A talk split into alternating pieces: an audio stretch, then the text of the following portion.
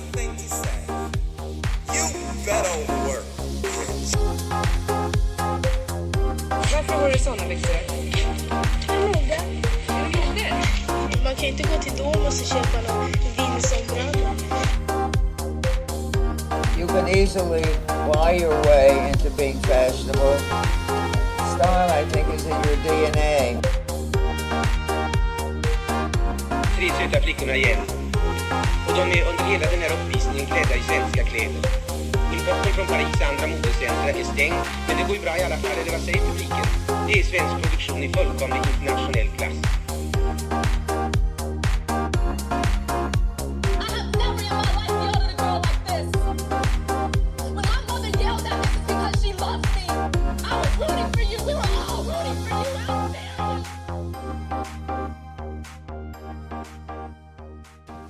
Poddens tionde avsnitt. Podden, alltså det är sjukt att vi har hållit på i tio avsnitt. Mm, jag är så stolt över oss. Och eh, det här avsnittet ska vi prata om ett ämne som kanske ligger oss lite extra nära hjärtat. Det går, lite, alltså det går inte utanför mode. Men det är första gången vi pratar om kyrkokläder kan man säga. Och broderier. Mm.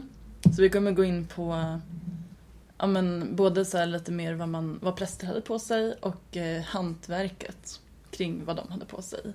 Precis. Och eh, framförallt kommer vi prata om en väldigt spännande person. Ja, vi vill typ inte avsluta, avslöja för mycket redan. Nej, men eh, vi kör igång utan några krusiduller. Precis, det gör vi.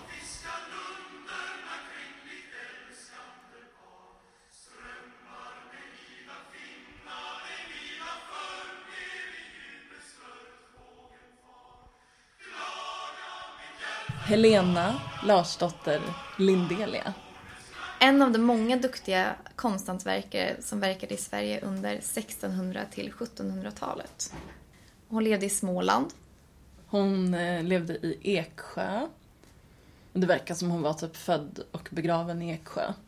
Ja, vi har fastnat för henne och det finns ju olika skäl till det. Men bland annat så var hon väl en av få kvinnor som försörjde sig på att brodera under den här tiden. Hon, hennes historia är inte sådär väldigt berättad i nutid. Nej, det, finns, det fanns ju många skickliga brodererskor under den här tiden eh, och kvinnor, men som, in, som alla är väldigt anonyma. Men hon har ändå fått sitt namn, men det finns väldigt, mycket, väldigt lite skrivet om henne i historien. Och vi ska försöka samla det vi vet men kanske också ta reda på lite mer. Och komma med våra egna teorier. Men eh, en sak är väl att hon, hon broderade på ett sätt som var väldigt liksom signatur Helena Larsdotter Lindelia. Så man ser vad hon har gjort. Så hon, är, hon kan liksom inte vara anonym. Vi kommer komma in på hennes stil. Ja, hon hade som en egen signatur kan man säga. Under den här tiden var det också främst kanske män som eh, regerade i broderibranschen. Vi ska prata om eh, det som då kallades pärlstickarskrået och det var in, hon var inte en del av det för kvinnor var i regel inte välkomna in. Ja, såna. det sägs att det fanns ungefär tio skickliga pärlstickare under 1600-talet och de som nämns är ju då män. Eh, Men sen är det då eh, Lindelia, Lindelia, förlåt. Jag vet inte om det var Lindelia eller Lindelia. Jag sa ju Lindelia, men jag tror det är Lindelia. Som Mm, För det hon- finns också en manlig version av namnet som är Lindelius till exempel. Så Men hon, hon omnämns ofta inte som Helena utan som Lindelia. Eller Lindeli änka. Lindelia änka. Men det var ju också så på den här tiden att det, den fakta vi vet om Helena, det är ju sånt som man har hittat i kyrkoböcker. Och de skrevs för hand, de skrevs på 1600-talet. Och eh, där hade man inte så här, en standardstavning i hela Sverige utan hennes namn stavades lite olika varje gång. Precis. Och sen har vi då, med den information, mycket av den informationen vi har idag kommer då från en fantastisk avhandling. Den är skriven av textilforskaren Inger Estham som var aktiv under 1900-talet, eller hon levde fram till 2016 faktiskt. Men är tyvärr inte med oss längre. Men hon skrev 1974 så skrev hon en avhandling som heter Figurbroderade mässhakar från reformationstiden och 1600-talets Sverige. Och hon var bra på att läsa kyrkoböcker så det är därifrån har vi fått väldigt mycket fakta. Ja, man ska väl säga att det är väl tack vare henne som historien om Lindelia har förts vidare. Ja men det var verkligen hon som liksom upptäckte henne. och kunde identifiera vem hon var och vad hon hade gjort. Ja, men det finns väldigt mycket bevarat faktiskt av alla hennes kyrkliga textiler som hon gjorde så att är man intresserad efter det här avsnittet så finns det många både kyrkor och museum där man kan se det hon gjorde. Väldigt väl bevarade faktiskt finns det. Ja, och vi kommer nämna alla de här kyrkorna och landskapen i avsnittet. Eh, och det var alltså, om hon jobb, vad vi vet så jobbade hon främst på beställning av kyrkan. Det kan även vara så att hon jobbade åt välbeställda personer men det finns ju liksom inga privata textilier bevarade så. Nej, det finns skrivet om att hon fick eh, beställningar även från välbeställda personer. Eh, men som du säger finns ingenting bevarat. Men man kan ju ändå tänka sig det i de här trakterna då det kanske inte fanns jättemånga så pass skickliga pärlstickare. Att det ändå fanns lite från högre klassen som kanske ville ha någon extra fin kappa eller liknande. Ja, vem vet? Och dessutom var det så att det var ofta adeln som betalade sånt som kyrkan köpte in för att kyrkan hade lite dålig ekonomi efter reformationen när kungen hade tagit makten över rikedomarna från kyrkan och sådär. Så ibland var det någon adlig person som liksom stod på kvittot när hon skickade sin faktura. Ja, det var också för att de själva kanske skulle kunna få sitt namn i kyrkan. För att kunna visa hur duktiga de är. Hur mycket de bidrar. Och det hon broderade allra mest skulle jag säga, i alla fall som vi har hittat, det var mässhakar. Och eh, nu har vi säkert nämnt en del ord som är lite så, vad fan är det där? Så jag tänker, ska vi ta det från början? Ja, jag tänker att vi börjar med mästhakar för det kommer ju, det är ju som sagt det som är mest bevarat från Lindelias tid. Eh, Och mässhakar är ju då prästens liturgiska plagg. Alltså prästens klassiska plagg. Ja, Eh. liturgisk skrud är liksom helt enkelt kyrkoskrud kan man kalla det. Exakt. Och det pryds ofta då med bandmönster på framsidan och korsform på ryggen. Eh, och idag i, i, i katolska kyrkan är de här fortfarande väldigt dekorerade. I Sverige så ser de ju väldigt mycket enklare ut idag. Men under 1600-talet så var de ofta eh, broderade i silke och mer väldekorerade. De var, det var ju barock, barocktiden på 1600-talet. Det var mycket reliefmönster och ja, väldigt vackra tyger från Italien med granatäpplemönster. Och man kunde också så här, hålla på med mycket remake i kyrkan. Så det kunde vara en klänning eller kappa som var lite sliten och syddes om till en mässhake. Kyrkan tog vad de fick. Ja, precis. Ehm, men det var ändå viktigt att de hela tiden skulle ha de här fina materialen. Och det här plagget, ehm, det, det har egentligen funnits i kyrkan sedan kyrkan uppstod och långt innan dess. Ehm, innan man hade liksom judiska och kristna kyrkor så var det var inspirerat från det plagg vanligt folk hade på sig på, under antiken. Så den formen på plaggen, något som man hängde över sig, eh, tog man liksom från vanlig folklig skrud så att säga. Och sen så har den fortsatt att utvecklas inom kyrkan. Och reformationen då kanske har påverkat mässhaken kan man tro. För det var ju när man på 1500-talet när Gustav Vasa kände att han kanske ville ha lite mer makt i Sverige.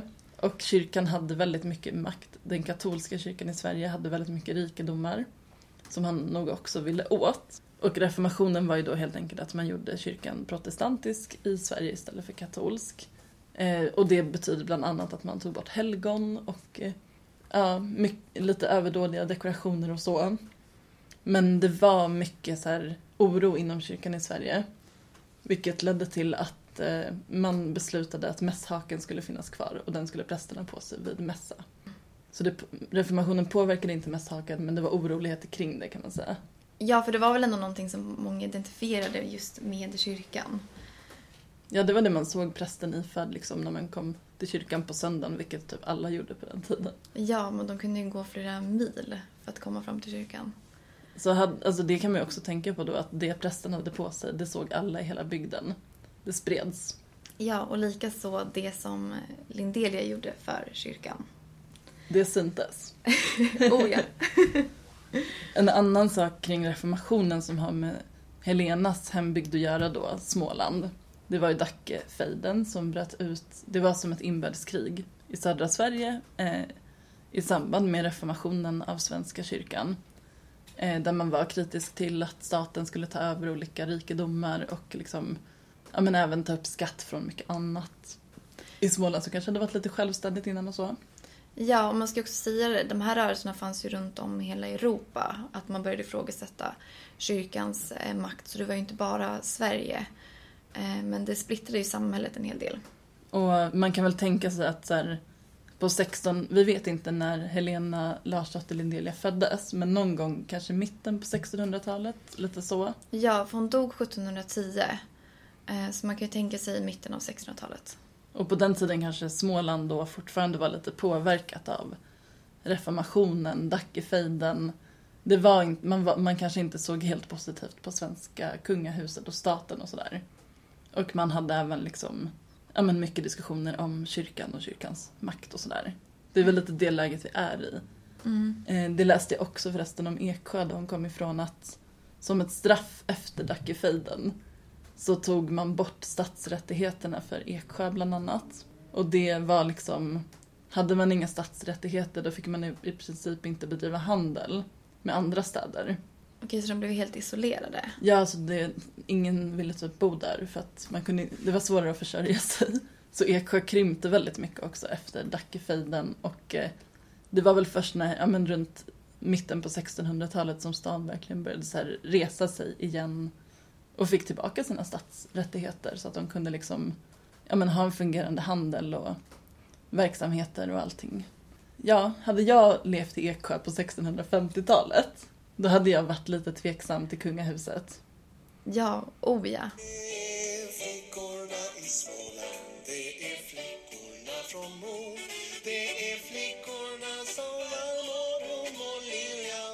Sverige har en rik broderihistoria och den sträcker sig ända tillbaka till medeltiden. Under den här tiden så fanns det så kallade pärlstickare som i huvudsak broderade med pärlor, silke och guld. Och den här termen pärlstickare kom i, under 1600-talet gradvis att benämnas just som broderare eller brodös. Man kan ju ändå tänka sig att Sverige har ett rikt kulturarv när det kommer just till broderi. Vi har ju Blekingesömnad, Dalasömnad, Ja, Eh. typ alla folkdräkter är ju broderade och Ja, nästan alla landskap har ju sin egna broderiteknik. Eh, Och pärlstickare arbetade oftast för kyrkan eller hovet och det broderade allt från då krönikedräkter till kyrkoskrudar och altardukar och mässhakar som vi Menar du kröningsdräkter? Kröningsdräkter. Ja. Vad ska jag? Krönings- Krönike. Krönike. Ja, nej, förlåt. Kröningsdräkter menar jag. Ehm, och som vi var inne på lite innan så finns det många, eller en del, skickliga pärlstickare som är väldigt omnämnda, men då ofta män. Och vi har då en som heter Paul Krell. Krell? Paul Krell? Krell? Jag vet inte. Alltså, man tror att han inte var från Sverige från början och mycket kanske tyder på att han var från Tyskland. För att han hade en ganska lik stil som man hade i Tyskland. Ja, och det var ofta från att vi tog hit eh, från alltså br- broderare just från Tyskland eller Nederländerna. De hade väl en större tradition och de hade större liksom skråverksamhet där man lärde upp gesäller och mästare. Så han var ju benämnd mäster Paul Krell. Han anlitades av hovet då och eh, han gjorde även mycket för kyrkan. Man kan, jag tycker han, hans motiv är ganska lika Helena Larsdotters. Med så här Jesus på korset har han och han kan ha en dödskalle under. Eh, som hon också hade. Men det är en väldigt olik stil. Ja, själva motiven generellt på den här tiden är ju ganska lika. Alltså just korsfästningen och sen dödskallen. Men hennes stil sticker ju ut kan man ju säga. Men eh, ja, han har man lyckats identifiera och jag tror faktiskt att det var Inger Estham där också som identifierade Paul Krell med hjälp av räkenskaper och kyrkoböcker och så och kunde förstå identifiera hans namn till olika broderade mässhakar bland annat. Eh, men han var ju han var en av få, får man ändå säga, på den tiden som var liksom erkända då mäster pärlstickare. Ja, jag tror också att han kan ha blivit extra känd eller man ska säga omtalad just för att han arbetade i storstan och för hovet. Lindelia var ju då en mycket skicklig pärlstickare. eh, Och också då en av få kvinnor för sin samtid som då kunde försörja sig på sitt broderi. Eh, Men trots det så är hon ju då inte lika välkänd som många andra konsthantverkare från samma period. Och hon var liksom skicklig på ett annat sätt kan man väl säga då. Hon stack ut från mängden. Verkligen. Men, men en sak är ju såklart säkert att hon var kvinna för att Paul Krell han var ju med i så här pärlstickarskrå. Alltså typ som en arbetsorganisation för pärlstickare. Och de eh, släppte inte in kvinnor hur som helst. Så det var inte så lätt för en kvinna att, att få utbildning inom skrået eller att vara aktiv inom skrået. För det var nästan bara änkor, de som hade varit gifta med en pälsstickare, de kunde få vara med i skrået ibland. Ja, och det var ju ofta kanske att de producerade och skrået men de fick inte sitt namn på det, man ska säga. Nej, de, det var ju ofta kanske en familjeverksamhet där mannen då var med i skrået men det var frun som gjorde mycket av jobbet. Men Mm. hon var anonym. Ja, och lika så är det ju när man pratar om eh, stora skräddare under den Mm. här tiden. när kvinnorna har osynliggjorts i dokumentationen. Och, men det man tror i alla fall att Lindelia var inte änka till någon pärlstickare utan hon, hon var däremot änka i typ hela sin karriär. Men man tror inte att hennes man var pärlstickare från början. Och man tror inte att hon var liksom utbildad inom skrået utan hon var självlärd på något vis. Eller upplärd av någon som kanske inte var en mästare i alla fall. Eh, så det är väl lite om den tidens yrkesverksamhet. Och som vi nämnde så var det väl liksom de som hade möjlighet att beställa var kyrka, adel, kungar typ. Som kunde beställa såna här dyrbara broderier med dyrbara material. Alltså guld, silvertrådar, exklusiva sidentyger. Det var inte gratis.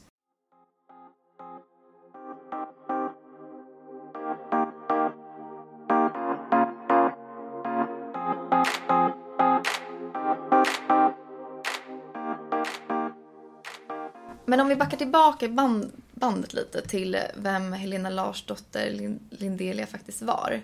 Lite mer tydligt. Ja, och det vi vet, rent så här fakta vem hon var, det är liksom allting som Inger Estham har hittat i kyrkoböcker i Småland. Både kvitton men också så här bokföring när hon dog och när hon köpte sitt hus och lite sådana saker. Ja men först och främst så nämnde vi att vi inte vet när hon föddes. Den dokumentationen finns väl inte bevarad antagligen, eller så har ingen hittat den. Nej. Eh, men vi gissar då på mitten av 1600-talet och hon dog då 1710 och var ja, men verksam som vi var inne på i Eksjö, Smålandstrakten. Eh, men eh, Saga har ju också forskat fram lite olika delar hon har rört sig i Sverige, men det kommer vi till. Men hon var aktiv i 26 års tid, för det är, man har hittat verk från henne liksom, under 26 års tidsperiod. Från 1682 och det sista hon gjorde var 1708, så finns bevarat idag. Men det kan såklart ha varit lite längre. Det kan ju vara något som inte är bevarat. Ja, och i den här avhandlingen så beskriver Estham att hur Helena Schlades broderier är mycket professionellt utförda och att hon inom sin textilkonst hade en väldigt hög skicklig nivå. Men man vet då inte om Lindelia är självlärd, men vilket man tror. Eller om hon har gått lära hos en yrkesbrodör. Men det man gissar på är att hon genom att studera de här um, dekorationerna i kyrkan har lärt sig själv. Ja. För en del av hennes arbeten hon gjorde var restaurationsarbeten eh, från medeltida mässhakar och broderier. Och eh, då har hon ju sett deras motiv och deras stygnteknik och kanske inspirerats lite av det. Eh, Det kan också kanske förklara, för hon hade en lite så naivistisk stil som man kanske tänker medeltidens... Om man har sett medeltida målningar så ser det lite ut som att ett barn har målat det. det Ja, är inte riktigt hela, perspektiv och sådär. nej, men hela 1600-talet, alltså textilkonst, man ser ju verkligen att, att det har ett arv lite från medeltiden. Mm. Men dock eh, mycket... Det, sticker, det är annorlunda medeltiden. Det, man ser att det är på väg mot mer bildlikt. Mm. Men det är lite kvar. Lindelia kanske hade lite extra mycket kvar av medeltiden i sig. Eventuellt. det, det vet vi inte. Men eh, hon, det finns 41 kända verk av henne som Inger Estham har samlat. Antagligen finns det mycket mer. Sen har vi inte bild på alla, men det finns ändå mycket bevarat, vilket är jättekul. Eh, men Och det kanske tyder på att det var väldigt dyra saker hon gjorde som kyrkan vill ha kvar. precis, Dyrbara saker sparar man. exakt. Eh, men sen tänker jag också att man kanske inte såg värdet i de här... Man Ja. kanske inte såg värdet då i hennes arbete eh, och varför det skulle vara viktigt att bevara. Men det var ju vanligt att man bevarade saker väldigt länge i kyrkan. Sen, jag har sett ett kvitto då som Estham tog fram. Där man ser liksom att så materialet som hon använde när hon broderade, det var värt mer än hennes arbete hon la ner på att arbeta. Hon fick aldrig mer betalt än vad materialet var värt. Så arbetet var ju mindre värt än det kanske hade varit idag skulle jag gissa. Mm. Hon, någon gång hade det tagit liksom, om det var över 20 veckor hade hon ägnat åt att brodera en mässhake. Det tar ju lång tid att brodera för hand. Och det hade ju varit ovärderligt idag. Man man hade inte betalat så mycket till någon för att brodera heltid i 20 veckor. Det hade man inte haft råd med liksom. Nej, verkligen Med inte. dagens löner. Så måste nog haft lite lägre lön än man kanske skulle haft idag. Gissningsvis bara nu. Av allt det här 41 olika verk hon gjorde så var det faktiskt inte bara mässhakar. Utan det var också lite annat som kalkdukar. Som man la under kalkstopet, alltså det som man har nattvardsvinet i. Eh, har hon också broderat. Men mässhakarna är de som sticker ut mest. Som verkligen syns att det är hon. Vi vet ju att hon var änka. Och det vet man för att det finns handlingar där hon benämns som änka år 1678. Då. Antagligen, i alla fall så var hon ju änka då. Ja, Vi vet inte om hon kanske blev det tidigare men, men då var hon garanterat änka. ja, för hon köpte ju då den här Vaxblekargården i Eksjö 1678. Eh, som var en väldigt fin gård. Eh, och i den här avhandlingen av Westhams så finns det teorier om att för det fanns en skräddare, Lars Månsson och son Månsson Larsson som ägde, vad jag förstår som granngården till det här Mm. huset. Eh, och man tror då att hon kan ha varit, att de kan ha varit far och bror till Lindelia. Och att det skulle kunna vara en av anledningarna till varför hon kunde driva sån omfattande kyrkotextil. Eh, men man tror inte heller att det bara är därför, men att det kan ha varit en bidragande faktor. Och de var skräddare då. Mm. Och det är ju lite närkopplat till vad hon gjorde liksom. Så det är en bra teori. Hon har inte lyckats bevisa den helt. Det är helt enkelt för få liksom, Ja, men jag tror... kyrkoböcker som... Precis. Men jag tänker att hennes far och son, de måste ha känt många i trakten. Mm. Sen tänker jag också att en spridning var just att så här, har du gjort en sak till en kyrka, det kommer hundra pers på en gudstjänst, man ser det, man åker till nästa bygd, pratar med någon. Det spreds väl säkert också så. Ja, verkligen. Socken till socken, kyrka till kyrka. Gud, ja. Eh, Men jag tänkte på det här med Vaxblekargården för jag kollade på den. Eh, Jag sökte på den och den finns kvar. Ja, för det var det jag ville eh, kolla om den finns kvar. Den finns kvar i Eksjö och den är idag ett väldigt trevligt hotell som Eh, den har alltså bevarats. Den brann 1706 när Helena då fortfarande levde. Men den brann inte upp helt. Så den finns kvar och blev uppbyggd igen. Och det är liksom inte en dålig gård utan det är en ganska stor gård, Vaxblekargården. Och den, den köpte hon ju då innan hon började, som vi vet, blev yrkesverksam som broderska. Så kan hon fått ett arv när hennes man dog eller någonting? Ja, det är ju en gissning jag tänker. För att ifall hon redan då var änka. Eller om det här kunde ha varit, ja, men som du var inne på, att det kunde ha varit mannens gård sedan innan. Eller... Ja, att Ja. hon tog över den på något sätt. Precis. Men jag tänker också att hon liksom blev yrkesaktiv rent dokumenterat först när hon hade blivit änka. Det är om hon liksom inte jobbade medan hon då hade sin man kvar i livet eller om hon inte var lika... Hon syntes inte lika mycket när hennes man fortfarande levde. Ja, eller så gjorde, arbetade han också för kyrkan hon liksom på något sätt tog över det. Det kan vara en teori. Eh, men man vet inte. Det är Eller- mycket teorier här. De jobbade tillsammans för kyrkan och sen när han dog så började hon själv signera sina verk. Mm. Men han, hon blev änka ung tror jag. Ja, hon kan inte varit gammal. 30 kanske? Ja, det låter rimligt. Och någonstans i Inger Esthams, i sin avhandling, hon har hittat ett utdrag där det står någonting om en dotter, men det är inte säkert att det menas att det är hennes dotter. Men det är inte helt orimligt att tänka att hon hade något barn. Och i så fall kanske det finns släktingar fortfarande i liv.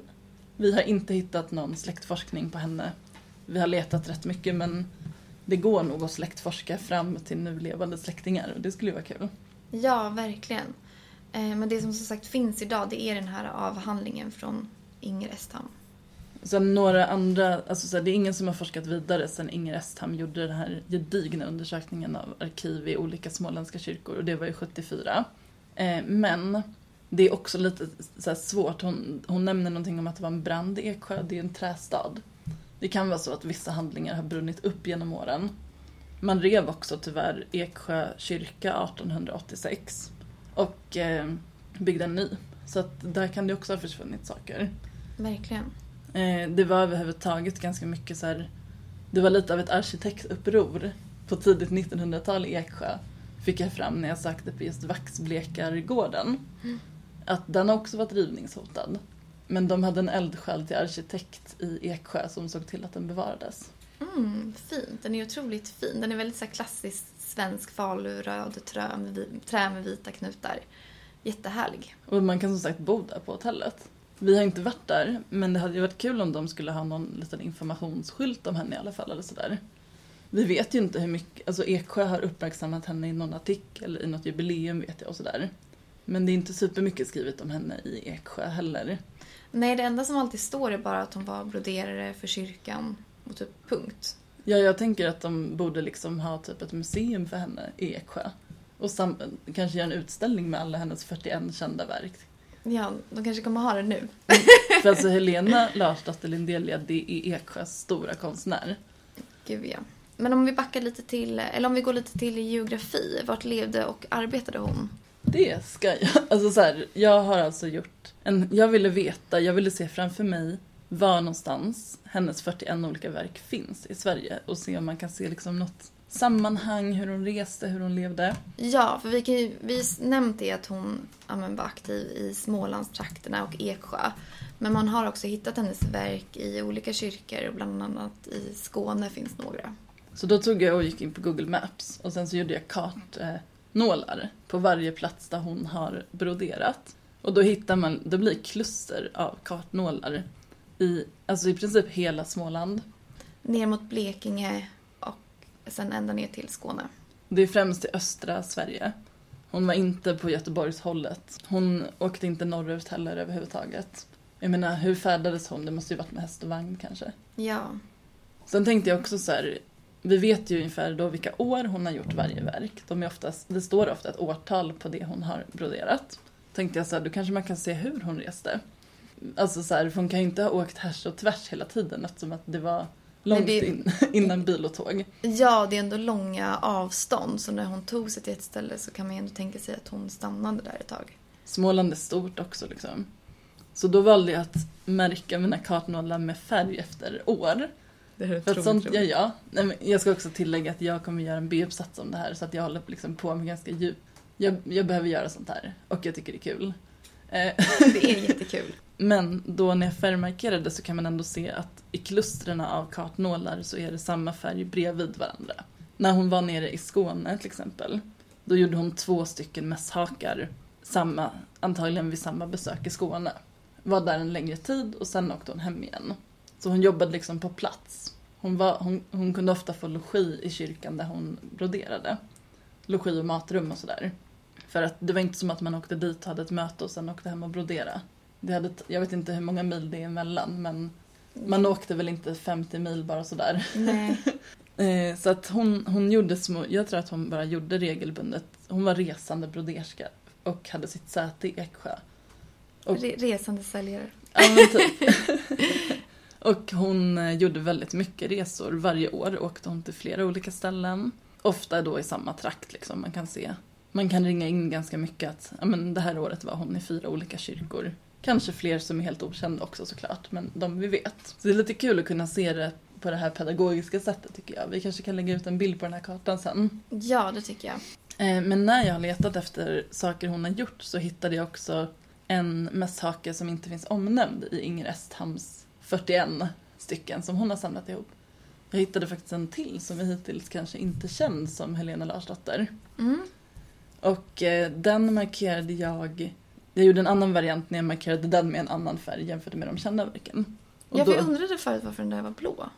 Nej, jag gjorde den blåa och de andra är röda och då så ser man ju att den är exakt i samma område som allt annat hon gjorde. Mm. Och om man tittar på den har den samma karaktäristiska dödskalle. Så jag är helt säker på att hon har gjort den, bara att man inte har snappat upp att hon har gjort den. Och eh, den finns bevarad också. Men sen så hittade jag en mässhake som såg ut, alltså i samma naivistiska, lite utstickande stil. Den enda jag hittat förutom hennes som har lite tokig stil kan man säga. Som var uppe från en kyrka i Örebro som heter Ekeby kyrka. Så att jag tror jag har hittat någon typ av samtida liknande stil i Örebro som inte är hon också. Ja, de kanske inspirerades av varandra utan att de visste. Mm. Eller så hade de samma inspirationskälla. Medeltiden kanske. Ja, så skulle jag gissa. Men det är väldigt kul att det finns ändå så här, det fanns någon annan som är helt okända. Som kanske hade lite samma, verkade i samma fält som henne. Som inte var så där Paul Krell kan man väl sä- säga var mer av en mainstream. Ja, för att, för att, vara en, för att anses vara en skicklig broderare så var det liksom alltid väldigt mycket i perfektion och detaljer och allting ser ganska mycket likadant ut. Men inte då när det kommer till Lindelia och den här som vi hittat i Örebro. Den okända Den okända. Nej men precis, och grejen är att när man tittar på Lindelias stygn och skicklighet så, så har hon ju typ samma skicklighet tycker jag, som de andra pärlstickorna under tiden. Det är helt enkelt att hennes uttryck skiljer sig åt så mycket. Precis. Men det som är lite olyckligt, vi kommer, kom, vi kommer dyka in i hennes stil, så var inte oroliga. Men det är att många menar att hon hade lite en amatörmässig stil. Att hon inte var lika bra som andra pärlstickare under tiden. Att hon liksom av någon anledning accepterades av kyrkan fast hon inte var så duktig. Och det påståendet gör mig irriterad. Ja, för att när man tittar på de här verken och om man bara skulle fokusera på dödskallen ja, så skulle man ju kunna säga att hon var mindre skicklig om man nu anser det. Men sen så finns det ju, hon blandar ju också att utsmyckningarna runt om är väldigt liksom, om man ska säga då, korrekt gjorda. Ja, hon gör massa blommor till exempel som ser liksom väldigt proffsigt gjorda ut. Precis. Eh, så att man ser absolut att hon har en skicklighet. Det är någonting annat som sticker ut med henne men det är inte att hon är dålig. Nej, men det känns som att eh, vissa kanske har retat sig lite på henne och vill liksom hitta att det är något fel på henne istället för att kanske försöka förstå hennes konstform. Känner vi henne nu eller vet vi någonting mer om henne? Man önskar ju att man visste hur hon såg ut, liksom hur hon var som person. Hur hon var klädd. Det är så synd att man aldrig kommer få veta det för att hon dog för 400 år sedan typ. Ja, verkligen. Eller 300 år sedan kanske hon dog sen. Men fan om man visste lite mer. Vi måste gå och hitta någon levande släkting. Ja, jag tror det, verkligen.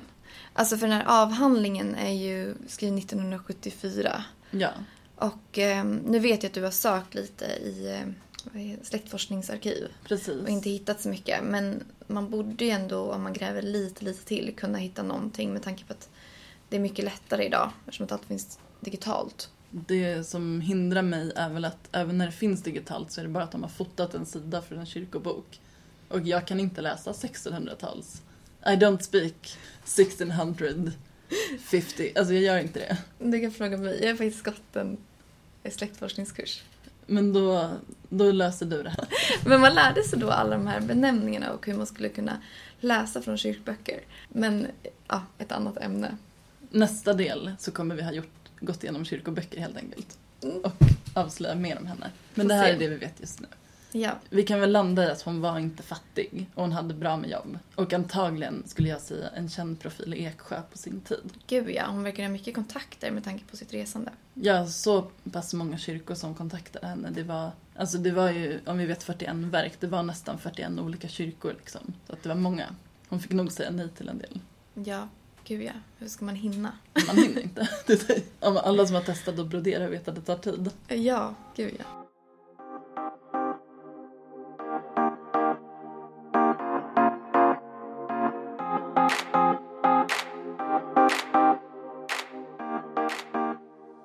Den glada dödskallens broderare. Ja, det är så Lindelia omnämns ibland. Om det inte är Lindelia Enka. Vi har ju varit inne på att hon ofta eh, under Jesus på korset broderade dödskallar. Och dödskallen var ju inte en ovanlig symbol i kyrkan, det var den inte. Dödskallen eh, i kyrkan är liksom till för att lite påminna oss om vår dödlighet. Den kommer från, i Bibeln omnämns Golgata som skalleplatsen och det är någon typ av dödsplats då. Och i kyrkan så är det viktigt att tänka på att Jesus dog för våra synder och vi kommer också dö. Ja. Men på Lindelias då så finns ju de här äh, Kristusfiguren tecknat men på ett lite mer, vad ska man säga, naivt sätt och där, där det alltid är ett väldigt stort leende på läpparna. Jesus är lite finurlig på sitt kors och eh, dödskallen under korset är ofta väldigt, väldigt glad. Ja, Ler med hela, man ser hela tänderna. precis. 1600-talet och döden gick ju också väldigt mycket hand i hand för att det pågick mycket krig, det var mycket spädbarnsdödlighet och eh, det var inte ovanligt med begravningar så att jag vet inte om man hade en avslappnad inställning till döden kanske. Ja, eller i alla fall när man kollar på Lindelias verk. Ja, Eh, Men för just för den där korslagda... För det är som en dödskalle med korslagda benknutar. Vad ska man säga? Bak till eller nedantill. men det är lite som man ser på en piratflagga. Ja, exakt. Men där ögonen är liksom väldigt stora, väldigt stor mun och glad. Och ibland visas tänderna också. Och skallen är liksom ganska rund och ögonen också väldigt runda och stirrande. Ja, det är lite som att ett barn skulle kunna ha ritat den. Ja, jag tycker också att det liknar typ ett meme. Mm. Och det, det roliga är att den ser ut som den är ritad typ idag, som ett internetskämt. Den ser modern ut. Ja, för när jag fick se de här verken först så blev jag bara så här, men gud, vem är den här kvinnan och vad då gjorde hon det här på 1600-talet? Eh, för det känns som sagt väldigt modernt och inte så acceptabelt för den tiden. Nej, för tänk på att prästen på 1600-talet var antagligen en ganska bister man. Som stod i kyrkan och alla var tvungna att gå till kyrkan varje söndag. Och att då titta på den här prästen och så har han en figur som bara storflinar på sina kläder. Det Ja, måste sett kul ut. Det måste liksom varit något man skrattade åt lite, eller? exakt. Men det som då talar för att hon ändå inte är en amatör är just de här att runt om korset eh, så är det liksom som en bård med blommor som är väldigt dekorativa. Alltså, Ja. dödskallen är ju också dekorativa, men om man ska säga i dåtidens mått vad som ansågs fint och inte. Ja, så det talar ju för att hon verkligen hon kunde göra som man skulle. Mm. Men kanske valde att inte göra det när det gällde Jesus och skallarna. Ja, för här är ju ett till verk som vi har uppe här och även där är ju Jesus korsfäst med ett väldigt liksom, ja men, med ett glatt leende. Och ganska så markanta bröstvårtor och navel också. Ja, som ser lite roliga ut. Ja, men som, som vi nyss var inne på då, det här proffsiga utseendet på blomrankorna. Hon har även gjort då kalkdukar som bara har blommor på sig. Och där har man lyckats identifiera några stycken, men det är väldigt, väldigt svårt eftersom att de ser ut som vem som helst på den tiden hade kunnat gjort dem.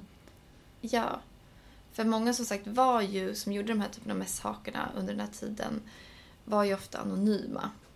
Eh, Men ja, hon har gjort sin signatur. Därför är det nästan, men så här, det går att identifiera. När man ser något så kan man, även en okunnig kan nog se direkt att det är hon om man bara har sett skallen en enda gång. Ja. Här är en annan mässhake där hon också liksom, det är de här runda klotögonen men där hon också har fyllt i, vad ska man säga, pupillen. Och iris, eller vad heter det? Ja.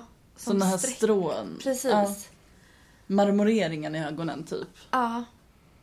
Jätte, alltså de är så gulliga. Man blir glad när man ser dem. Mm. Och de är gulliga. Och man vill typ ha dem som ett husdjur eller gosedjur. Verkligen. Jag skulle vilja ha det på, som print. På Det liknar också lite en bläckfisk. Mm. Vi kommer lägga ut bild på den här. Gud, ja. Men det är kul också för att man ser ju att alla dödskallarna är liksom hennes men de alla har ändå ett lite eget uttryck. Varje dödskalle är unik. Mm. Och det är inte så att de förändras jättemycket över tid egentligen, tycker jag. Utan det jag har sett är de, de håller stilen år efter år. Det är bara att de har olika leenden. Jag tycker det är ett otroligt hantverk. Eh, verkligen och otroligt eh, ja, men kul. Och man ser att hon har alltid broderat på sidan. Det är, det är liksom ett kors som är applicerat på själva mässhaken. På ryggen då. Och fram är det en båd. Mm. Som är gjord av siden, ofta vittsiden. Och det var också något som föreskrevs av kyrkoordningen, hur man skulle dekorera. Det fanns ju olika förordningar och det skulle inte vara för pråligt och inte för lite pråligt. Och hon har liksom följt regelboken väldigt bra när hon har gjort sina. Men hon har, hon har också Levt ut lite. Men det måste ju ändå som sagt ha uppskattats med tanke på eh, hur många verk hon ändå gjorde. Om att hon fick så mycket beställningar. En sak som sticker ut med henne också som inte jag heller har forskat mycket i men som nämns av Inger Estham. För Inger Estham undersökte ju typ alla bevarade mästhakar från 1600-talet i Sverige. Så hon har också kunnat jämföra dem. Och hon nämner att eh, Lindelia är den enda som ibland broderar helgon på sina mässhakar under den här tiden. Och det var alltså inte tillåtet i Svenska kyrkan efter reformationen på 1500-talet. Så hon menar att kyrkan borde inte acceptera ett helgon. Jag har också tittat på andra mässhakar och det finns ingen annan som har helgon på bild. Så det är också ännu en gåta med, med Lindelia. Varför hon gjorde helgon när, när det hörde till katolska kyrkan. Där det är frågan om Småland även där hade någon speciell typ av tradition. Att de kanske motsatte sig reformationen, ville behålla vissa helgon. Någonting Ja, var det. Och de är ju ett kyrkligt näste. Och det är inte jättemånga som man har helgon på. Jag vet inte om jag har någon bild på någon, men helgon kan man känna igen ofta på att de har så vissa attribut. Till exempel så har, kan de stå bredvid ett torn. Då vet man att det är helgonet med tornet. Liksom. Men annars så ser de ju bara ut som små figurer, vilka som helst. Men ska vi ta en av hennes mest eh, kända verk? Ja, För det är en är av det? mässhaken från Hultsjö kyrka. Och den är daterad 1708. Så det är alltså två år innan hennes död. Och det kan man ju också se med alla verk som är bevarade att hon var ju väldigt aktiv ända tills hon dog. Mm. Men jag har en bild på den här. Det är hennes sista liksom kända verk. Ja, hon var äldst när hon gjorde den. Ja, precis. Det är två år innan hon dog. Mm. Och där, den är ju likt de andra som vi också kikade på. Men här är också Jesus liksom väldigt glad. Hängandes på korset. Och det är nästan som att dödskallen typ tittar upp lite på Jesus. Ja, Och det är då svart sammet och sen är det vitt silke som hon har broderat på då. Alltså själva korset är ju vitt silke. Jag tänkte också att om vi skulle jämföra hennes verk med andra samtida mässhakar i Sverige Mm. så skulle man, så kan man säga att eh, de dödskallarna, de är liksom mer applicerade. Det ser nästan ut som att det är något tyg man har sytt på och stoppat med någonting. Mm. Snarare som att de är fyllda. Hon har ju broderat som konturerna av det med en mörk tråd. Mm. Som att hon ritat en teckning nästan.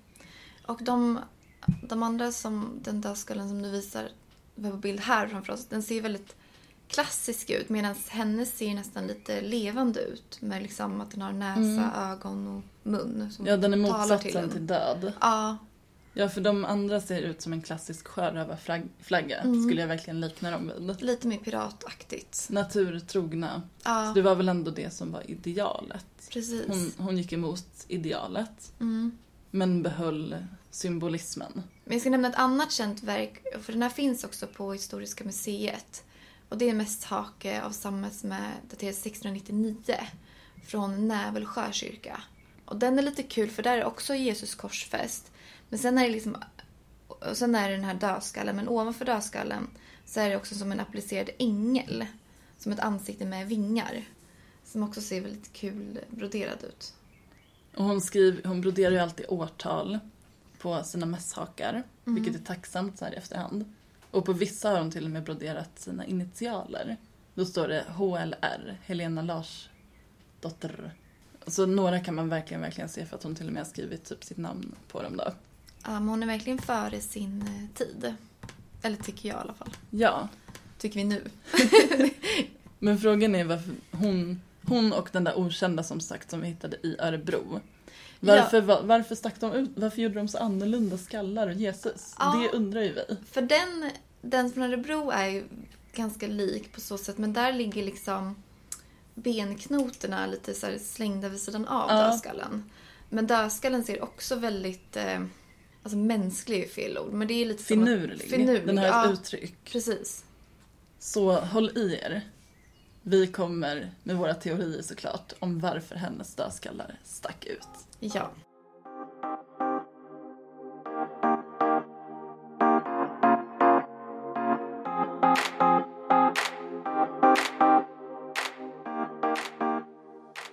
Yes, är ni redo?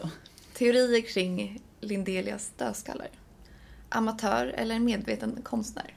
Som vi var inne på så, så har ju vi stört oss lite på att hon menar att man slänger bort det som att hon kunde inte bättre. Hon kunde inte göra naturtrogna dödskallar. Men jo, det tror vi att hon kunde. Verkligen. Det känns väldigt medvetet, tycker vi. Med tanke på att hon kunde göra naturtrogna blommor då, till exempel. Mm. Och så här, det är inte heller så himla svårt att göra en naturtrogen dödskalle om man bara kan brodera. Ja, kan hon brodera den där så kan hon definitivt brodera en, eh, en trovärdig dödskalle.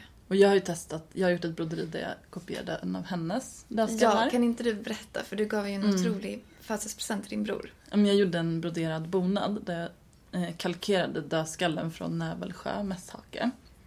Och så skrev jag Man är aldrig först med någonting. Dödskalle anno, anno 1699.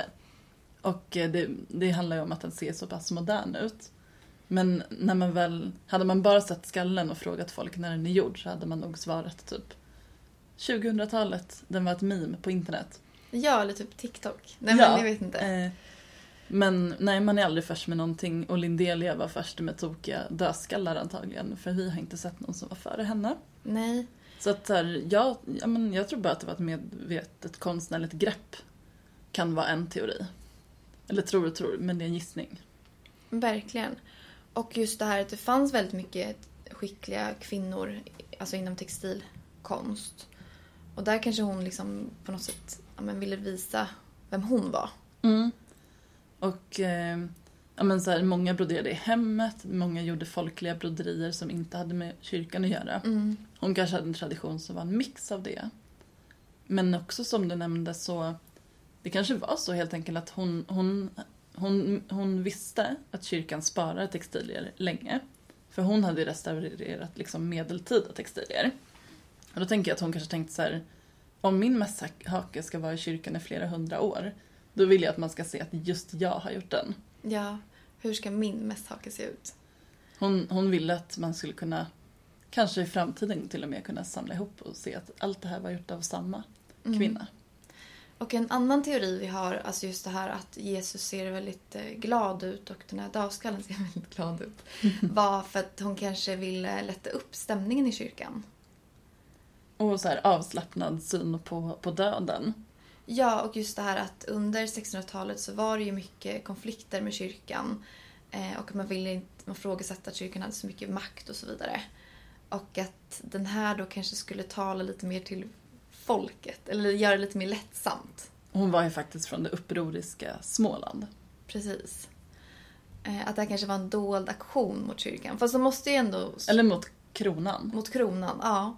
För hon måste ju ändå varit väldigt kyrklig i och med att hon uppskattade så mycket inom kyrkan. Men jag tänker också det här med att hon broderade helgon.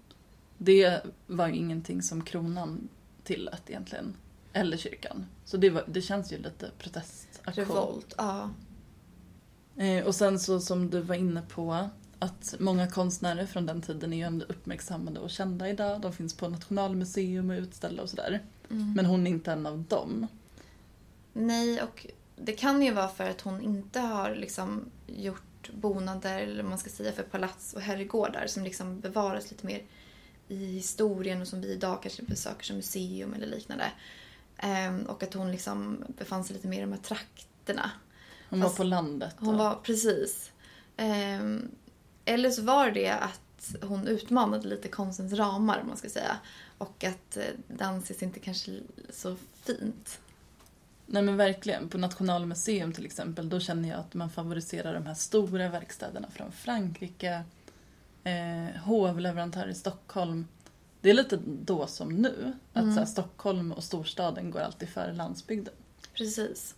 Ja men som vi var inne på, på något sätt måste det i alla fall varit medvetet. För man gör inte omedvetet sådana glada dödskallar. Nej, på så många verk också. Eh, och vi vet ju att det finns då 41, men det måste ju funnits mycket fler. Ja. Och undrar om folk som satt i kyrkan satt och fnissade lite när prästen höll sin långa söndagsmässa. Jag tänker Något ändå kul det. för barnen att titta på kanske. De blev så uttråkade i kyrkan när de satt där. Ja, verkligen. Men jag blir också så glad att hon ändå togs hem av så många. Och var så uppskattad. Och det är också frågan om hon kanske var en så här extremt karismatisk kvinna. Eftersom att alla ville anlita henne i så stort geografiskt område så har jag också varit inne på, var det något speciellt med henne? Tänkte man att hon hade magiska krafter? Att det var liksom viktigt för kyrkan att ha någonting som hennes hand hade tillverkat? Kan det betytt tur? Någonting med dödskallarna kanske var liksom, såg man som ett turtecken. Man var väl lite vidskeplig på den tiden. Ja, att hon kanske var så karaktäristisk att man tänkte att ja, men allt det hon gör tycker man om. Ja. Eller så här, ja men det pågick ändå, inte just i den delen av Sverige, men på 1600-talet så fanns det ju häxprocesser. Man trodde lite på magi och sådär också. Ja, men då kanske hon inte skulle få vara kvar så Nej, det länge. kanske inte kyrkan hade uppskattat. Nej, det tänker jag inte. Men eh, jag vet inte, hon måste väl som sagt ändå gjort sig väldigt... Eh, ja men att hon som sagt var väldigt kyrklig och uppskattad där. Och på så sätt ändå så pass trovärdig. Och tänk hur mycket personlighet skallarna har. Hur mycket personlighet kan inte hon då ha haft? Nej men hon måste varit Alltså. jättehärlig. Ja. Men det är så mycket i henne som sticker ut. Alltså just det att hon är kvinna, änka. Och att hon är ju verk, mest, mest verksam efter, alltså när hon har blivit änka. Så därför tänker jag att hon kanske inte var så himla fri i sitt giftermål. Hon kanske bara förlöstes när hennes man dog. Ja, Hennes konstnärssjäl bara blommade ut. precis. Och är det så att den här Måns Larsson, eller de här far och bror som bodde, som man tror är far och bror, i granngården så kan ju de kanske också varit väldigt stöttande till henne. Mm. Och oavsett vad man vet eller inte vet om henne så kan vi i alla fall konstatera att hon lyckades sätta en signatur. Och hon lyckades ge oss ett leende på läpparna även idag. 300 år senare. Gud ja. Hon är en konstnär. Och vi hoppas att hon kommer få mycket mer uppmärksamhet framöver och att man tar reda på ännu mer om henne. Och vi kommer ju bidra till det. Verkligen. Med det här avsnittet till exempel. Mm, det känns otroligt. Och om vi lyckas få veta någonting mer om henne så kommer det säkert en uppföljning på det här. Ja. Jag vill en gång till säga hela hennes namn och inte Lindelia. Utan Helena Larsdotter Lindelia. Säg hennes namn.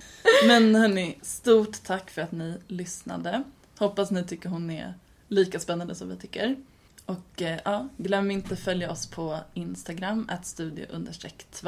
Där kommer vi lägga upp bilder på hennes fantastiska konstverk och kanske också på den här bonaden och på den här kartan vi har pratat om. Mm, och prenumerera på vår podd. Och recensera. Ja men ha det så fint! Mm, så hörs vi om två veckor. Det gör vi! Ha det bra! Hejdå!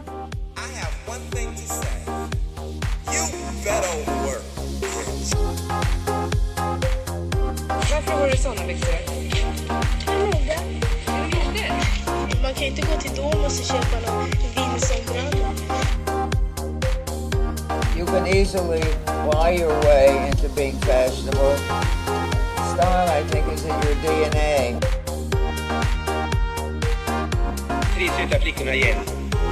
Och de är under hela den här uppvisningen klädda i svenska kläder.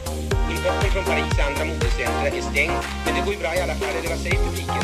Det är svensk produktion i fullkomlig internationell klass.